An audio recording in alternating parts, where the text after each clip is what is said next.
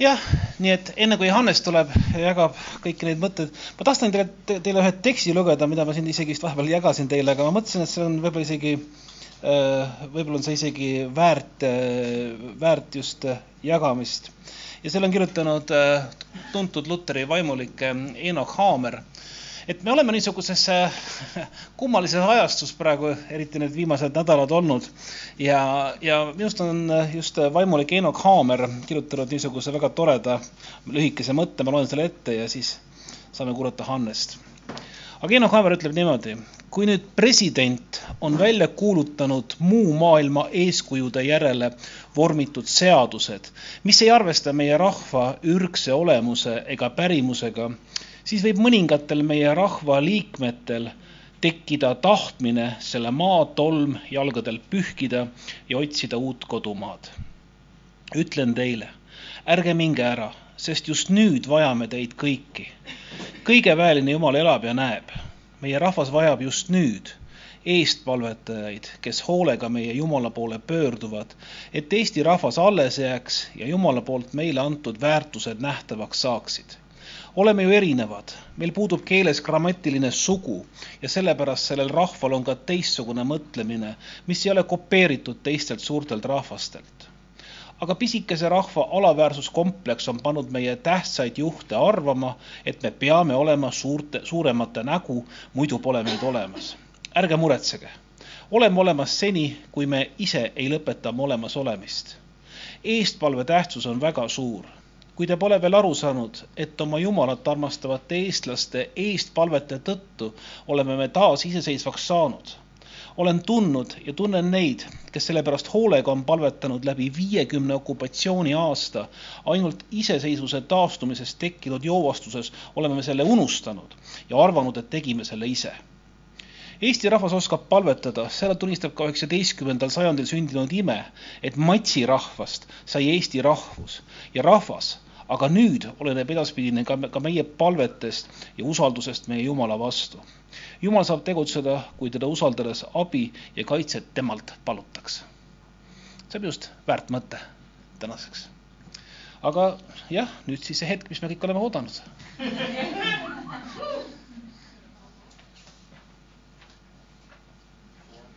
tere hommikust! mina arvan, et selle mõttega me võiksime lõpetada ja võtame armulaua ja, ja, ja kõigepealt ma tahan teha komplimendi eelkõige Evele. Eve, kas sa tõuseksid palun ja teeksid ringi ümber oma telje? Eve on ilus. Eve on ikka, ikka hoolitsev, aga ma, Eigole eriline kompliment, sest kui tavaliselt on Hugo Boss tal seljas, siis seekord on ikkagi ehtne seesama matsirahva värk, millest sa just lugesid. sügav kompliment ja ma saan aru, et et sina oled ka pannud leidnud Hiiu, Hiiumaa rahvavormi, on niimoodi või? see naine, kes su ees, see naine, kes su ees istub, tema ema on ka Hiiumaalt, nii et ma saan aru, et see on mingi kohalik Emmaste või mis koha püksid väga tore. See on väga ülev ja väga kihvt on vaadata neid inimesi, kes siin mööda linna ringi liiguvad, kellel on rahvusseelikud ja või midagi taolist seljas. osast ei saa aru, kas tal on mingisugune Araabia maa halatt või see on Eestimaa niisugune triibuline seelik, et nad näevad ühtemoodi natukene välja. kuidas? mina ei pannud jah, ma eelmine suvi pidin Ringvaates panema seeliku selga, tundsin ennast väga nadisti, kuna mehed nüüd kannavad ka seelikuid. kuigi see on äh, kohati on väga mõnus sellise sooja ilmaga eriti. kuulge,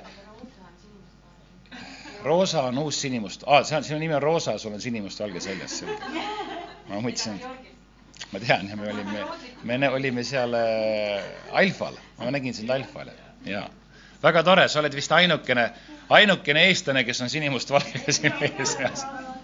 meil on Kaareliga vist sinimustvalge või sinivalge lipp, müts vähemalt kaasas.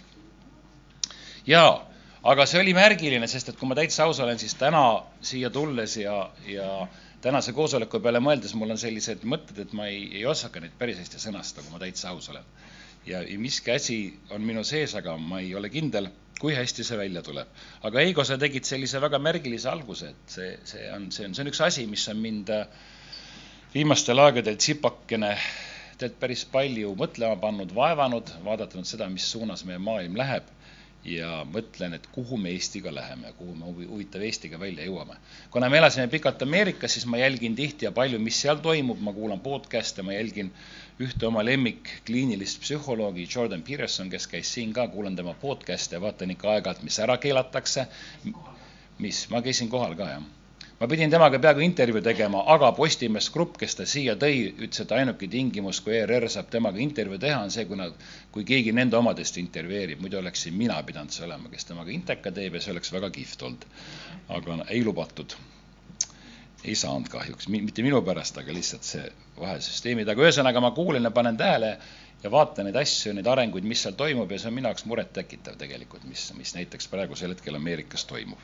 ja see on kõik see on kõik need imelikud uued voolud ja tuuled. aga täna on kihvt päev.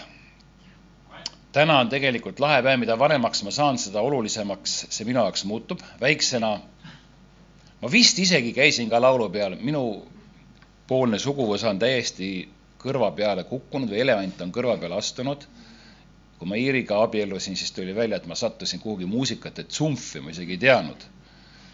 seal on, seal olid muusikud bändidest, seal on kõrgkoolis, ma ei tea, kes, oota, kui palju teid on lõpetanud? Mart on lõpetanud, mõne või ei ole Mart on alustanud mitu kõrgkooli, aga jah, jah, aga umbes need, kes tõesti ei ole muusikakõrgkooli lõpetanud, niisiis Iiri õed, õemehed, lapsed, nende lapsed ja nii edasi ja ja meie pool on see, kes ei jaga muusikast midagi.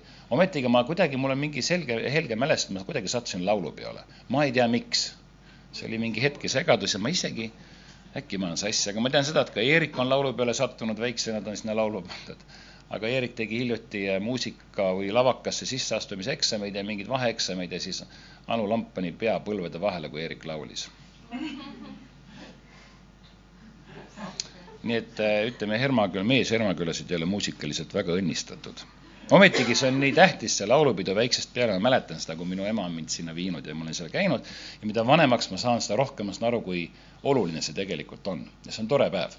see on selline kokkuhoidmise päev, see on ühtsuse päev, see on ühine päev ja see on lahe.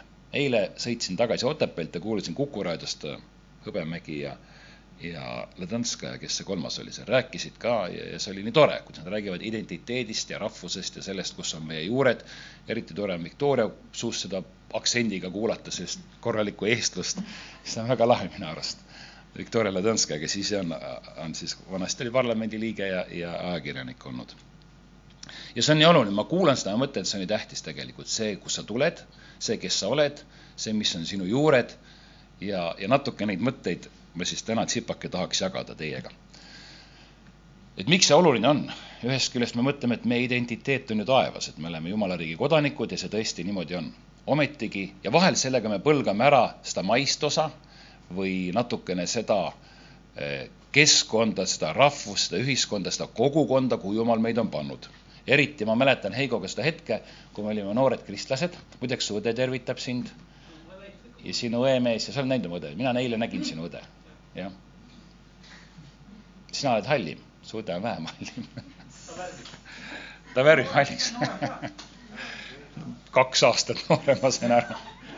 jaa, aga väga tore oli, me olime ühes, ühel sünni, juubelil, sünnipäeval, Liidia Hõbesaar oli juubel või sünnipäev. ja siis Helen ja Alar ja, ja Ahto olid seal ja nii edasi, nii et see oli väga kena. aga, aga jaa, me Heigoga kunagi, kui, kui nendel algaastatel äh, me olime väga vaimustuses evangeeliumist ja me oleme siiamaani seda aga ma mäletan seda hetke ja ma ei tea, kuivõrd tõsiselt see sinu puhul oli ja ma olen sellest ikka rääkinud, oli see, kus me arvasime kõike muud pühma, eks. üks kirjakoht on, kus siis äh, Paulus räägib sellest, et ma, et äh, kõik muu on möödas ja kõik ma muud ma arvan pühmeks ja ainuke kasu minul on Kristuse abi, ma nüüd ei sõnasta seda õigesti. tegelikult Paulus, millele ta refereerib seal, ma saan aru, on see, et ta viitab nendele juudi traditsioonidele, kui vanasti juut pidas ennast õigeks selle läbi, kui hästi ta kõiki käske peab ja kui hästi ta traditsioone peab, neid, neid enda rahva, neid enda rahvuslikke et selle kohta ta, Paulus ütles, et see tegelikult ei ole tähtis, ainuke asi, mis on tähtis, nii nagu Martin Luthergi selle meile on seletanud, on pigem see, et, et me oleme armust õigeks saanud. usk Jumalasse, see on peamine, see on kõige olulisem. aga mina tookord, me, ma ei mäleta, kas, kas sul olid seda mindset'i või, või kas sa eitad seda nüüd või mitte? jah, kõik on jama, usk on põhiline. jaa, need on saatanast. no päris nii, päris nii me ei arvanud, aga aga, aga tegelikult ma saan aru, kui oluline on see, kui me mõistame seda aega ja seda hetke, kuhu Jumal meid on pannud. ja see, kus me praegusel hetkel oleme, elame ja kui me mõistame seda ülesannet. mul on nüüd tõesti natukene kompleks siin juba rääkida Jumala plaanist ja sellest, sest Janek Pallas ütles, et jälle ta räägib sellest. aga ma ei saa vaiki olla.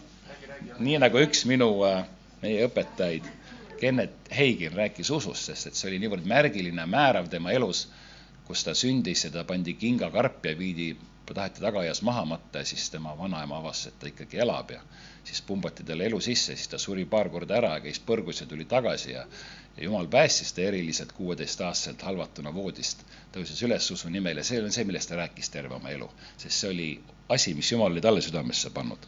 ja minu jaoks on väga oluline, on see siht, suund, see eesmärk, kuhu me lähme ja kas me kuhugi läheme. ja praegu on jube kihvt, mööda Narva maanteed nad muudkui lähevad. hakkasime hommikul vaatama, me vaatasime Pärnu maanteed, tegelikult on see jube kihvt, see on, see on üks mass läheb mingis suunas. ja noored lähevad hoolimata sellest vihmast ja see on ka kihvt, sest et meie eludes, meie usuelus ja meie igapäevaelus tulevad raskeid hetki ette. ja vihma sajab ja alati ei paista päike ja hoolimata sellest, kui kõvasti ja kui hästi me usume ja kui palju me Jumalat tunnistame, ikkagi tuleb raskeid hetki ette. ja tavaliselt tuleb abielus ka, meie abielus pole kunagi ühtegi tulnud, aga ma olen lihtsalt kolm päeva järjest laulatusi teinud, siis mul on see tekst praegu peas. aga ehk ehk me kõik saame aru ja teame, et meie elu ei ole ainult lust ja lillepidu, vaid on ka raskeid ja keerulisi hetki ja kui praegu see, ma ei tea, kas juba sajab või siin hetk, kui me tulime, ei sadanud, aga täna on ka niisugune päev, kus sajab, ei saja. ja hoolimata sellest, et on niisugune karm hetk ja lendi natuke lehtab ja lood-, lendi leht, lehti lendab ja, ja, ja loode, loodame, et puid ei kuku, aga kõik see mass ikkagi marsib edasi ja see on mõnes mõttes selline äh, võrdpilt meie eludes, et me läheme edasi. sa ei saa seisma jääda, sa pead minema edasi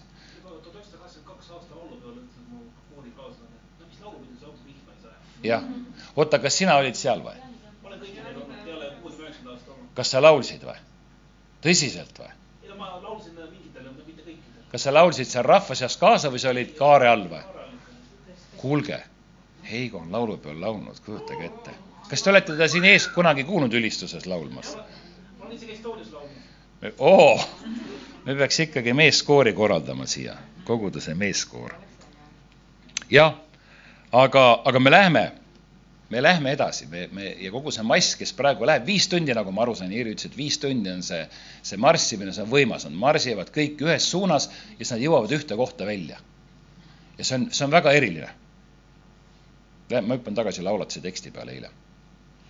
täna, kolmkümmend kaks aastat tagasi, me tähistame oma taasiseseisvumise kolmekümne teist aastapäeva. ja see on väga kihvt. täpselt, juhu, me olime seal mina nii selgelt mäletan neid laulva revolutsiooni laulupidusid, osad teist on liiga noored ja osad ei ole. aga see oli taas üks hetk, kus siis, kus äh, me kõik kokku tulime, eestlased, ja me laulsime ühel nõul ja ühel jõul ja mis, mis on hämmastav, on see, et me, me olime ühel, ühel meelel. ja see on nüüd nii oluline, seesama tegelikult, Heigo, väga, mul on hea meel, et see, mis sa ütlesid, seda alguses ütlesid et me olime ühel jõul, ühel nõul ja meil on vaja, kuulge, ma võtaks klaasi vett, palun, mul on midagi kurku läinud. see, et me hoiaksime kokku ja tookord seal laulva revolutsiooni ajal ka me ootasime imet. sina tead, Heigo, mis ime see oli? ja kas sa pidasid oma sõna? sa ei pidanud, mida, kas te teate, Heigo lubas midagi no.? Eve ka ei tea? No räägi siis no mina pean rääkima, sest muidugi minu arust ma nüüd, ma nüüd ajan natuke sassi, aitäh sulle. ma natuke ajan sassi, et kas see oli, ma ei pane arvuti peale, ma, ma vähemalt ma ei vala arvuti peale, ma luban, aitäh. loetada võib küll, pane alumisele riiulile. siis ma olen jalaga pihta. võid, võid õuna peale panna küll. tuhat üheksa, tuhat üheksasada üheksakümmend, tuhat üheksasada kaheksakümmend seitse, kui oli lauluv, laulev re revolutsioon või kaheksa jah, ja siis hakati rääkima sellisest asjast nagu ime. me kõik ootasime imet, et Eesti saaks vabaks. tegelikult see ime oli isemajandav Eesti, kus ENSV tahtis Nõukogude süsteemist lahti lüüa, sest me arvasime, et me saame ise paremini hakkama, kui see suur äh, korrupteerunud äh, ligadi-logadi Nõukogude masin meil taga oli, et me saaksime Eesti Vabariigina ise paremini ennast majandatuna, see oligi isemajandav Eesti ja seda me ootasime ja minu arust Heigo ütles, et tema ei pese ennast ennem tema ei lõika juukseid, okei okay,, see oli teine. või ei pese juukseid, ei pese juukseid. ei lõika juukseid. Heigo ütles, et tema enam juukseid ise ennem ei lõika, kui isemajandav Eesti on kohal. ja see oli üks, see oli suur ootus, see oli selline põnev hetk, kus sa mõtled, et tuleks osa ja jupphaaval see vabadus, mida me oleme igatsenud, mida Eesti rahvas on igatsenud tookord me olime sisemiselt vabad, ma sain sellest juba aru, et kui poeg teeb sind vabaks, siis oled sa päriselt vaba. ja see õige vabadus tuleb kõigepealt seest ja sealt ta saab välja elada. ja kui sa ainult välist vabadust otsid ja seespidiselt sa vaba ei ole, siis sa ikkagi oled, oled kammitsas. vähemalt mõneti. no vot, ja siis Heigo lubas, et tema ei lõika juukseid enne, kui isemajandav Eesti tuleb. see oli tuhat üheksasada kaheksakümmend kaheksa, sa pidid ootama üheksakümne esimese aastani ja Eigol oli see oht, et kui tal juuksed liiga suureks, liiga, kui ta ei lõiganud, siis need juuksed läksid niimoodi tal ümber pea. tal oli sihuke soe nagu, nagu O.J. Simpson kuskil, mis filmis politseiakadeemia, ma ei tea, kus filmis. ja, aga sa ikkagi lõikasid Eigo, jah? Eesti Vabariik tuli peale lõpuks. jah, see oli kolm aastat, lõikasid varem siis või? ega ma ikka, ma olin ikka ja meil on pilte ka, meil on must, mustvalgeid pilte sellest ajast kõvasti. aga see oli üks niisugune väga kihvt aeg, väga lahe aeg, kus nad ütlevad, et kuskil kolmsada tuhat inimest, eestlast, käis siis erinevatel aegadel lauluväljakult läbi. Aga mina ikkagi mäletan seda laulva revolutsiooni või laulva revolutsiooni öiste laulupidude hetki, kus oli tõesti, no see, see oli ikka täis ikka. Ma mäletan väga selgelt seda hetke, kus üks äh, Java motoratas, Java sõitis sinimustvalge lipuga, niimoodi lipp lehvis, ta tuli sealt äh, orupoolsest ülevalt äh, mäe pealt tuli alla ja siis kuskil see politsei sidrun või politsei, miilitsa sidrun üritas seda kuskilt kätte saada, aga ühesõnaga no kütsid seal ringi ja see oli kihvt see oli see ootus, see oli see, kus eestlased olid üksteise kõrval ja me, me olime ühel jõul ja ühel nõul ja me läksime ühes suunas. ja, ja see on väga tähtis kes ei tea, mis on sidrun? sitröön. see oli villis, seda öeldi villiseks, kuna see oli maha kopeeritud ilmselt Ameerika sõjaväeauto pealt, aga jah, see oli siis, see oli miilitsa auto ja see oli sidrun, sellepärast oli kollast värvi ja puna, sinise triibuga. jah. ja me, me nimetasime neid sidruniteks. sidrunid siis ajasid taga neid sinimustvalgeid tegelasi. kuidas? miilits ei olnud kollast värvi, aga auto oli kollast värvi. miilits oli ikka inimese värvi, niisugune tavaline inimene. jah. Vot ja, ja see oli kihvt, see oli ülev aeg ja, ja ma, ja tõesti, ma laulatuse tekstis refereerin aeg-ajalt sellele, ma mõtlen, et see oli hetk, kus inimesed olid ühel nõul ja ühel jõul. ja, ja loomulikult siis see, millest inimkond saab alguse, on naine ja mees kui nemad on ühel jõul, ühel nõul ja kui nad teineteist usaldavad, siis elu läheb edasi, elu õitseb, elu areneb ja elu läheb oma normaalset kulgu, nii nagu Jumal lõi. ja nüüd on, tuleb vaenlane, kes üritab nende kahe vahele lüüa kiilu ja kahte eraldada, kahte eraldi osapoolt, kõigepealt meest ja naist, abikaasasid, ma vaatan ja kuulan ja eile rääkisin ka paari inimesega, nende, nendega, kel, kes on lahku läinud ja see on niivõrd keeruline. ma vaatan inimeste elusid, kes on lahku läinud, kes ei näe oma lapsi, kes ei saa oma lapsi näha, kes jagelevad ja see on nii keeruline ma, ma noorena vaatasin kahe sõbra abielu, mis läksid lõhki. ma mõtlesin, it's not worth it. See on nii suur vaev ja ma ise olen kasvanud siin lahutatud peres, et see on nii suur vaev ja nii suur puudujääk ja niivõrd suure tüki see võtab ära inimeste küljest ja laste küljest, see, kui, kui sa lased kiilu enda vahele lüüa, kui sa lased eristada. kes oli ah,, meil on ajalooõpetaja, onju kuulge, ma praegu hirmutan ise ka ennast, mul on niimoodi, ma olen nüüd neljas päev, ma järjest räägin, et vist pange kinni eeter mingil hetkel sa oled kõigest kümme minutit rääkinud. on nii või? aa, siis võib lõpetama hakata. Aga see äh,, Heigo, kas sina oskad öelda, kellele omistatakse jagaja vallutaja? ütlus, ma tean, seda paljud on kasutanud, aga ikkagi nad enam-vähem minu arust ajaloolased nõustuvad ühe inimese puhul, ühe kuninga puhul, kes seda kõigepealt kasutama hakkas. enne teda tegelikult, tema praktiseeris, aga vahet natuke enne teda oli jah mina ei teadnud ka seda kuningat, et kui ma uurisin, ta oli kuningas Philippus Makedooniast, Philippus teine Makedooniast, kes ta, kel omistakse, küllap vaenlane, hingevaenlane seda juba ammu omistanud, eks ole, või seda teinud kas või juba Aadama ja Eeva, Kaini ja Aabeliga, kus ta siis üritab kiilu kahe vahele lüüa. ja, ja tõesti siis Philippus teine Makedoonia kuningas oli selline, kes jagas ära jagaja valluta selle taktika, et kui sa suudad rahva omavahel riidu ajada, rahva, rahvas, rahvas mitte rahvas, rahvas He-, Vello. Leo, Leo, Ve-, Leo, Leo teeb mulle etteheiteid, et ma ütlen rahvas, mida on rahvas kogu aeg. aga, aga rahvas jah, tuleb hääldada õigesti. jah, rahvas jah. ei, see on tõsi tegelikult, kui see amet, mis mul on, ma peaks ilusti hääldama selgelt diktsiooni omama ja, ja ma, ma katsun ennast parandada, kui ma, kui ma selle Leho tigedat nägu näen, siis ma ütlen rahvas kogu aeg. rahvas. ja, ja, ja, ja me Reikopiga on ka mingid asjad, kui ma teda näen, siis ma pean mingeid asju väga õigesti, mitte õieti, vaid õigesti ütlema. jah, jah. ei, me teeme selle õigeks tagasi. õigesti tuleb öelda, mitte õieti aga sellegipoolest jah, et see Makedoonia kuningas Philippus teine oli see, kes jagas ära selle, et kui sa suudad kiilu kahe inimese või, või kogukonnas või, või ka koguduses kasvõi, kogudusi on niivõrd palju on lõhki läinud ja see on nii kurb, kus siis äh, tekib eriarvamusi, üks on ühel moel meelel ja teine on teisel meelel ja, ja suuremat pilti, suurem pilt lastakse silmist, peaasi, et minu enda arvamus on kõige tähtsam ja kogudused on läinud lahku. ja, ja inimesed samamoodi ja see on nüüd vaenlase taktika, mis ta siis teeb, on see, et ta üritab meid omavahel segadusse, omavahel riidu ajada ja siis lahutada. ma mäletan, kui me olime, kui me olime abielus, ma olen siiamaani tegelikult abielus, aga kolmkümmend kaks aastat saab meil, üksteist august saab täis. ma olen põnevusega ootan, mis, niisuguse üllatuse Iiri mulle korraldab siis. kolmekümne teise aasta üllatus, aga ma mäletan eriti abielu algusaastatel meid, meid meid, mind ajas närvi, kui me olime Riius omavahel, kui me tülitsesime, siis mul oli niisugune tunne, niisugune võrdpilt oli ja ma ei saa vist seda praegu sellisel hetkel sõnastada, nagu ma tahaks. aga ma sõnastan selle pehmemalt. no mul oli, mul oli niisugune võrdpilt tekkis silme ette, et meie vahele on loobid, lükatud üks sõnnikuvanker ja me oleme, ma tahaks S-tähega seda teist asja öelda, onju. ja siis me oleme ühel pool vankrit, teisel pool vankrit ja siis me vabatahtlikult võtame seda sõnnikut ja loobime üksteist sellega. et, et loomulikult meil on eriarvamused ja meil siiamaani on eriarvamused ja see on täitsa normaalne kui inimestel on eriarvamused, see ei välista seda, et me ühel nõul, ühel jõul, ühe eesmärgi nimel saame edasi minna. ja Eesti rahvana samamoodi.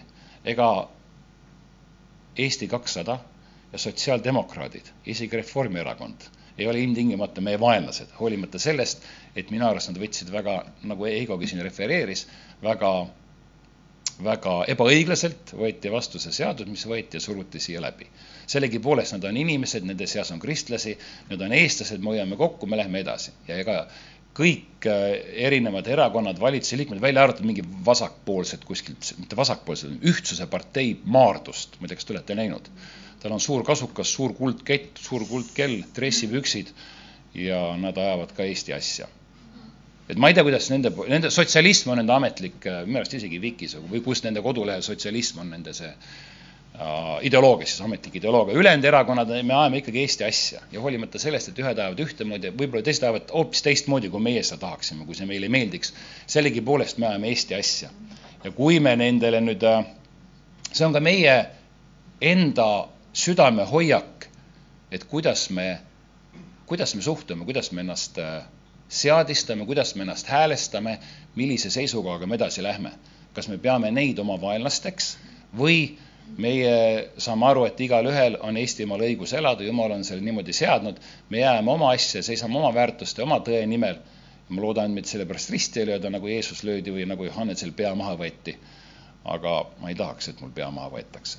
aga, aga sellegipoolest, et see on, on tark nüüd kristlastena aru saada, et vaenlane on see, kes üritab lõhestada ühiskonda ja kiilu lüüa meie vahele. mina samamoodi, ma ei ole rõõmus selle seaduse üle, ma, ma olen veel vähem rõõmus ausalt öeldes vihakõne seaduse üle, mida üritatakse läbi suruda, sest et jälgides Ameerika ja Kanada ja osa läänemaailma arenguid selle vihakõnega, see läheb ikka päris käest ära ja ongi üks vend siis, Jordan Peterson, kes kes pani kuskil hetkel jala maha ja nüüd on temast saanud niisugune noorte meeste rüütel, kes äh, oma selge kõnega ja sellega ütleb, et inimestel on eesmärk ja meil on siht ja meil on suund, kuhu me läheme, sest et äh, hästi palju segadust on.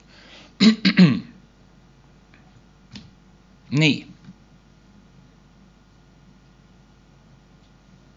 jah, jaga ja valluta me saame olla nutikamad, mitte ülbelt nutikamad, aga armastuses nutikamad. me ei lase vaenlasel seda taktikat äh, endi keskel rakendada. ja me ei lase ennast lolliks teha selles mõttes, et, et me ei, me ei pea neid teisi oma vaenlasteks või, või midagi sellist. ja nüüd ongi see, see hetk, kus siis, äh, kus ma jälle lähen tagasi vanasse rööpasse, sest ma ei saa sealt välja. Roopa tänav, jaa. eile ma kuulsin ka uudiseid Roopa tänava kohta, kus see inimene, kes meie käest selle maja ostis, on ära põgenenud Saksamaale ja pankrotipesast keegi teine ostis selle vist ära ja see teine inimene on päris tore, kes selle ära ostis. mina kasvasin üles, minu vastas oli Robbie Rohi Indrek, üks lauljatest, eile oli Robbie Rohi oli seal juubelil, ta oli bändiks ja ja siis me natuke jagasime kodukandi uudiseid, aga see on momendil irrelevantne informatsioon täiesti siin. aa, no vot, ja Indrek siis üks lauljatest ja see, kes seda stiila kitarri mängib, tema oli, oli minu naaber otse üle tee. aga äh, üks asi, mis juhtub ka sellesama selle, selle liberalismi suure kasvuga, kas või siis sama selle, kus me enam, kus me defineerime ümber abielu, kus me ütleme, et, et äh, abielu ei ole enam ainult mehe ja naise vahel, vaid see on mingisugune kooslus. ja küll siin räägitakse sooneutraalsest ja, ja võrdõiguslikust abielust või mis iganes, on ju, siis tegelikult nii nagu EKRE raudselt raiub, ütleb, et see on homoabielu ja tegelikult see niimoodi on, siin ei olegi mitte mingit vahet, et kuigi alguses räägiti, jah, tõesti, ma ei mäleta, kooseluseadusest, siis igasuguse muude riikide praktikatest vaadates tegelikult nad alati jõuavad selline välja, et see on homoabielu, kus kaks oma soo iharat inimest tahavad abielluda omavahel uh,. aga nüüd mul läks täitsa meelest ära, miks ma sellest rääkisin praegu. kus mul point, oli mul üldse mingit point, aa, me defineerime ümber. me defineerime ümber ja, ja mõnes mõttes sa mõtled, mis seal ikka siis, et et ühest küljest ega me kristlastena liiga tagajalgadele ka ei pea minema, sest maailm teeb, on palju hullemaid asju, palju hirmsamaid asju teinud kui sa vaatad ajaloos tagasi, siis on, ma eile sõitsin mööda Soodomast. teate niisugust kohta, Soodoma? Soodoma kaks koma viis. ma väntasin sealt mööda, üleeile hommikul vist tegin trenni ja siis ma mõtlesin, ma ruttu-ruttu edasi. Võrumaal on niisugune koht nagu Soodoma. Soodoma, Gomorra olid kaks äh, linna siis, kus homoseksualism oli lausa täiesti äärmuslik ja mille lõpuks siis Jumal hävitas ja sellest ongi sodoism, kuidas me ütleme, Sodoomia on ilmselt selle linna nimest tulnud välja, ehk siis on olnud palju hullemaid aegasid, kus meie elame ja tegelikult ega meil väga häda ei ole, meil on, meil on suht hästi. siin Eestimaal ülistades Jumalat, lauldes laulupeol ja loodame ja palvetame, et see niimoodi jääb ja ärme lase kiilu lüüa isekeskis enda vahele ja ärme lase kiilu lüüa meie ühiskonna vahele. et me ei pea kuidagi eristuma ja iga mõne, iga mõne aja tagant ilmuvad maailmas mingid sektid, kes lähevad lolliks peast, kelle juht, kelle juht läheb lolliks. nii et kui Heigo ütleb, et te peate kõik kolima Väänasse ja lõpetama kõik suhted ja tema kuningriiki minema, siis, siis siis me seisame Jaanikiga sellele vastu. aga jah, et point on see, et, et Jumal pani meid siia maailma selleks, et, et maailm läheks läbi meie, tema armastust, tema headust, tema seadust, me oleme tema peeglid, me tihti mulle meeldib ka mõelda, et nii tore, et on selliseid ilusaid ja tarkasi ja arukaid inimesi, kes on teoloogilise seminari läbinud ja kes oskavad sõnu paremini ritta seada, mõtte selgemalt välja öelda kui mina ja las nemad siis kuulutavad seda evangeeliumi. aga Jumal on absoluutselt igaühe meist pannud siia kogudusse, sellesse ühiskonda, sellesse keskkonda, kus me oleme, selleks, et näidata oma headust ja kui me nüüd eraldame ennast ja kui me mõtleme, et maailm on nii kuri ja nii paha ja, ja rüvetunud ja me peame ennast kuskil puhtana kloostris hoidma, siis te lähete hallitama hapuks ja pahaks. siis te lähete kaugele Jumala tahtest. ja siis on saatan suutnud teid isoleerida. ja see on, see ei ole hea. ja paar ohtu, mis siis seoses sellega on ja ma tõesti ei oska seda nii hästi sõnastada, kui ma tahaks, aga paar ohtu, mis on siis seoses kas või sellesama abielu ümbersõnastamisega mehe ja naise koosluse ümberreastamisega või siis kas või sellesama vihakõnega, mis tähendab tegelikult seda, kus, kus siis no Ameerikas ja Kanadas iga inimene võib ise endale soo muut-, mõelda, vot see oli väga hea, Heigo, kuidas sa ütlesid või kuidas Eenok kirjutas, nagu ma, oli Eenok või Natan? Eenok. kuidas ta kirjutas, et meile grammatiliselt, me eesti keeles ei ole isegi võimalik öelda, et minu eesliide on she, her või mis iganes, eks ole. Ameerika ingliskeelses keskkonnas on nüüd see, et kui sa ennast tutvustad, tere, minu nimi on Hannes, kutsuge mind hi, him, sim, sur, kim, kam, pum, mum, midagi, ja päriselt, see on päriselt. ehk siis inimene mõtleb ise välja, kes ta on, ta ütleb, kellena ma ennast tunnen ja see on see reaalsus, mida sina pead aktsepteerima ja kui sa jah, ja kui sa ei aktsepteeri seda, siis see võib minna vihakõne klausli alla ja, ja sind võib, võidakse riiklikult karistada, vangi panna, trahvi teha ja nii edasi ma ei taha teid hirmutada, aga seal on niisugune asi ja selle vastu see Jordan Peterson tõusiski, ütles, et ei saa vaba maa ja vaba kõne keskkonnas, te ei saa dikteerida, kuidas mina räägin. loomulikult me ei külva viha ega me ei sõima taga inimesi, aga, aga sa ei saa öelda, et et kui mina tunnen ennast koerana, siis mina pean aktsepteerima, et see on sinu tõde. Ja selles mõttes praegusel hetkel on meil suur väljakutse, meie selliseid aluseid natuke raputatakse. mina olen ära õppinud ja mõelnud, et see on nii huvitav, kuidas see, kuidas see klikib sellega, et me ei ela tunnete alusel. meie niisugune tugev korralik usuõpetus, on siin usklikke või? usuõpetuse inimesi.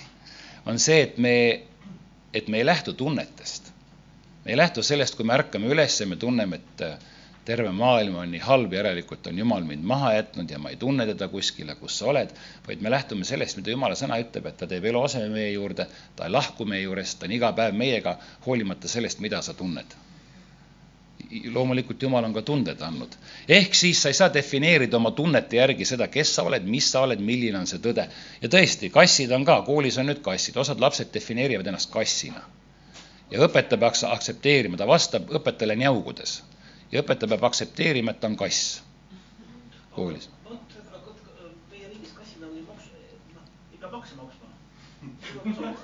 Mina olen ammu mõelnud, et muideks, et, et see, see on kasulik või see pole kasulik või? ja, ja, ja, ja mina näiteks tahaksin ennast identifitseerida kuuekümne viie aastase Cherokee indiaanlasena. Sest neil on palju parem pension Ameerikas, neil on vaba, vaba reisimine siis Mehhiko, Kanada, USA, nad ei pea maksma vist riigi äh, tulumaksu, käibemaksu vist või, ja tulumaksu, kuna see on nende maa ja kui nad näiteks, kui nad näiteks peavad bensujaamasid või kasiinosid, nad, neil on lubatud teatud osariikides pidada, mida teistel ei ole, siis nemad ei pea selle pealt makse maksma. Sest tavaliselt on valge inimene võtnud enam tanki pannud, omanikuks pannud indiaanlase, kes on niisugune pool surnuks ennast joonud ja siis sealt vahelt ajab vaikselt äri, aga mina tahaksin ka identifitseerida, siis ei pea enam tööl käima, saab kohe riikliku pensioni. ja kuna me elasime Iiriga seal Cherokee'de lähedal, Oklahomas, seal on Cherokee'de see, Cherokee indiaanlaste reservuaar, et siis mina arvan, mul on täielik õigus identifitseerida ennast kuuekümne viie aastase Cherokee'na ja saada kohe pensioni ilma, ilma, jah aga point on see, et see võib kõlada naljakas ja lollakas, aga point on see, et kus see tõde on, mis on tõde ja kus on tõde. ja kes see määrab ära selle tõe. Ja nüüd ma mõtlen tagasi, vaadates seda suunda, kuhu maailm areneb ja see on täiesti hämmastav, kui kolmkümmend aastat tagasi olid ju rüütellikud ja aatellikud, patriootlikud sinimustvalged alused olid need, mille üle me rõõmustasime, mille üle võis uhke olla, siis tänapäeval osad ei ole selle üle enam uhked.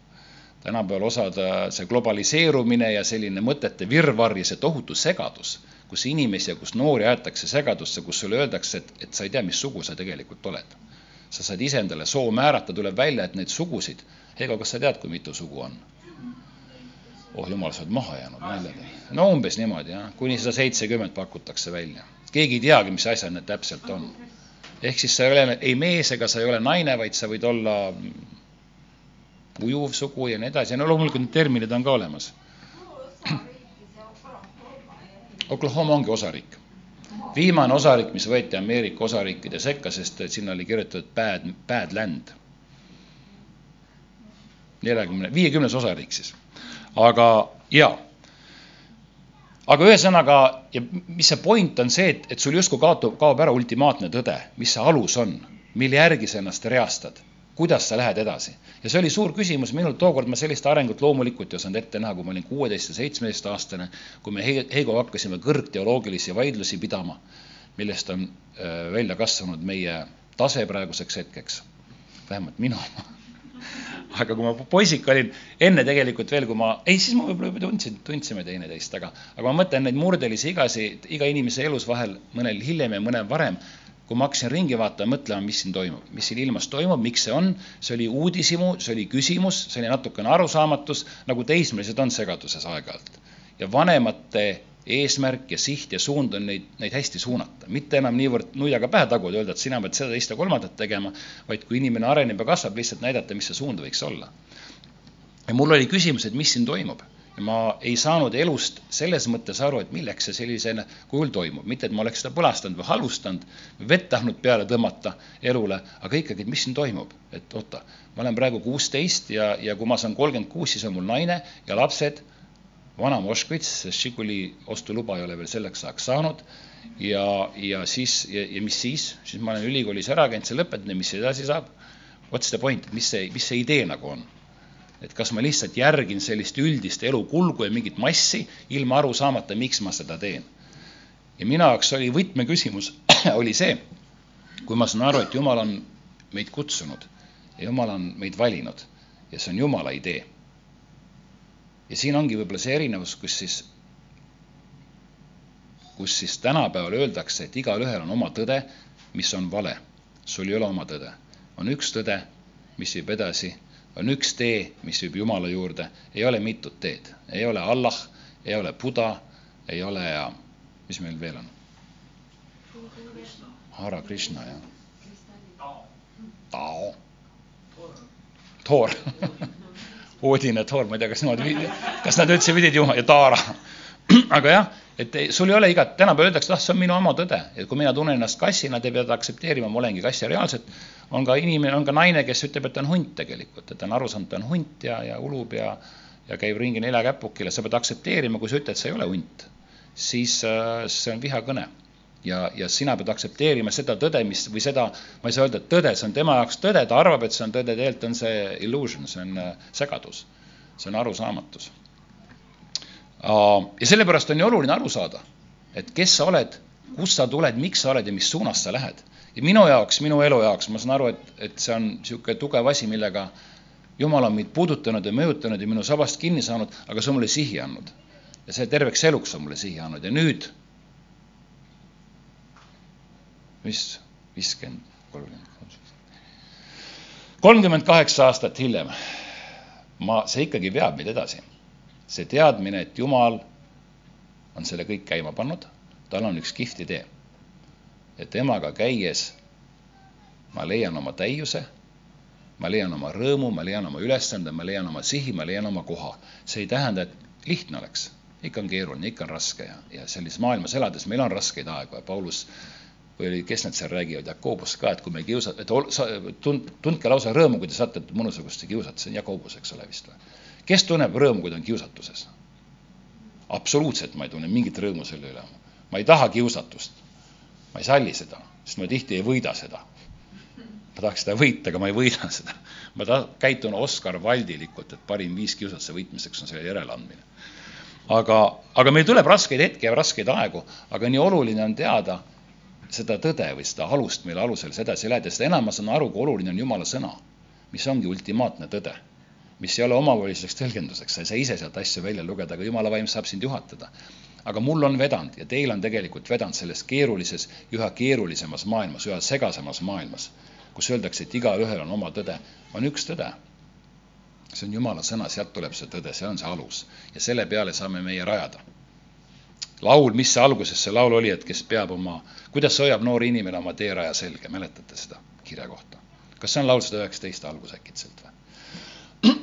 Fred Kuldvee oli meie koguduses, tema oli natuke mentor minule, niisugune natuke vanem mees, mul ei olnud isa Äh, koguduses ja ei olnud niisugust vanemat midagi, tema kuidagi paar hetke ta, mingi, mingi väike eluperioodis ta oli niisugune, niisugune nagu tugi, kelle peale ma sain koguduse minnes vaatama, see oli vanem vend, tundus kindel mees usus ja tema kord küsis mu käest seda, et kuidas hoiab, Hannes, kuidas hoiab noor inimene oma teeraja selge, ma olin just lugenud seda, võtsin, kui ta peab sada üheksateist üheksa, kui ta peab seda sinu sõna järgi, on vist niimoodi või? jube napisõnaline vastus oli meie pastorilt jah, aamen, see ongi niimoodi. sa oleksid nüüd ette, sa oleksid nüüd ette lugeda selle, selle koha. kuidas hoiab noor inimene teeraja selge, ta seda peab sinu sõna järgi. jaa. nii et meil on see arm ja meil on see teadmine ja meil on see tõde, mille järgi minna ja see on väga kihvt. Ja ma ei tea, mis edasi saab siin ilmas. ma tean seda, et nagu Eenok siis mitte Naatan, eks ole. nagu Eenak kirjutas, et, et tõesti vahel tundub, et tahaks siit minema või läheks kuhugi teise riiki, kus oleks parem olla, siis ma olen ka sellest aru saanud, et on aeg ja koht on nii oluline nagu Kristuse ihus igalühel. et Jumal paneb ja Jumal teab, kus sa oled, miks sa oled ja kas sa oled. ja kui ta sind siia on pannud, siis on sul siin ülesanne ja sa saad funktsioneerida selles ühiskonnas, ehk siis sa saad teda esindada ühel, teisel ja kolmandal moel, mõni räägib hästi, mõni laulab hästi, mõni teenib hästi. Ja see on ka nii tore, äh, kus piibel räägib sellest, et igalühel on koht Kristuse ihus, kus igaüks saab panustada sellega, mis teil on. näiteks on siia ilmunud õudselt palju juhtmeid, mul on nii hea meel nende juhtmete üle. Ja need pedaalid, mis siin all on ja kuidas? vajutama, selle ma olen ka ära õppinud, et neid ei tohi vajutada. kaks päeva tagasi Urmas oli ka ühes pulmas, kus mina olin ja ma jälle rääkisin ja ütlesin, et see on nii tore, et need asjad kõik on olemas. igaüks saab teenida sellega, mis temal on, selle anni ja selle osandusega või selle osaga, mis tal on. ja kui me seda teeme, siis me oleme tugevad ja siis me läheme edasi, me hoiame kokku ja me, me töötame ühtsena. ja see on, see on tähtis. nii et äh, jumala sõna on see tõde ja see alus, mis meile on antud. Ja tema viib meid edasi, tema on meile sihi ja suuna andnud, sa ei saa defineerida tõde nii, nagu sa tahad. ja see, ja see on väga veider, on veel see, et, et need inimesed, kes ütlevad, jaa, et mul on enda tõde ja nii edasi, ometigi me oleme niivõrd monogaamsed, ma ei tea, kas ma nii saan öelda, aga me hoiame kinni teatud äh, tõdedest, teatud väärtustest, sul pole absoluutselt mitte mingit valikuvõimalust. on mitu asja, kui sa seda ei tee, sa sured ära ma pole kunagi veel näinud näiteks, et keegi, mõni liberaalne, vasakpoolne, mõni äärmuslane ütleks, et mul on kõrini hingamisest. et see on, see on pei-, kuidas see on siis?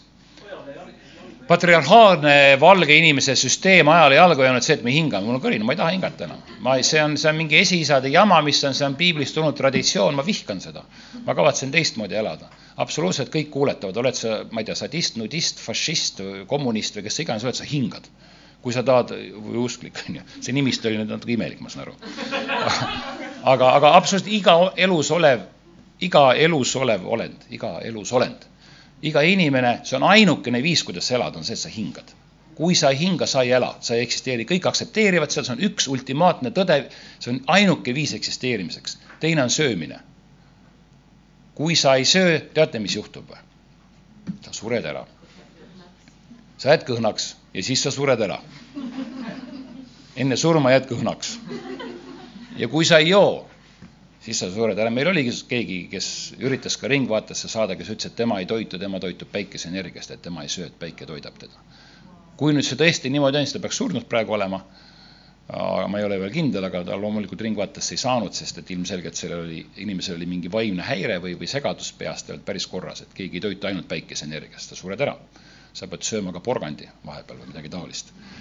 ehk siis on mitmeid viise, näiteks mitte keegi meist ei, me, me kõik austame gravitatsiooni, mitte keegi ei hüppa kõrgelt meelega alla, kui sa just ennast ära ei taha tappa.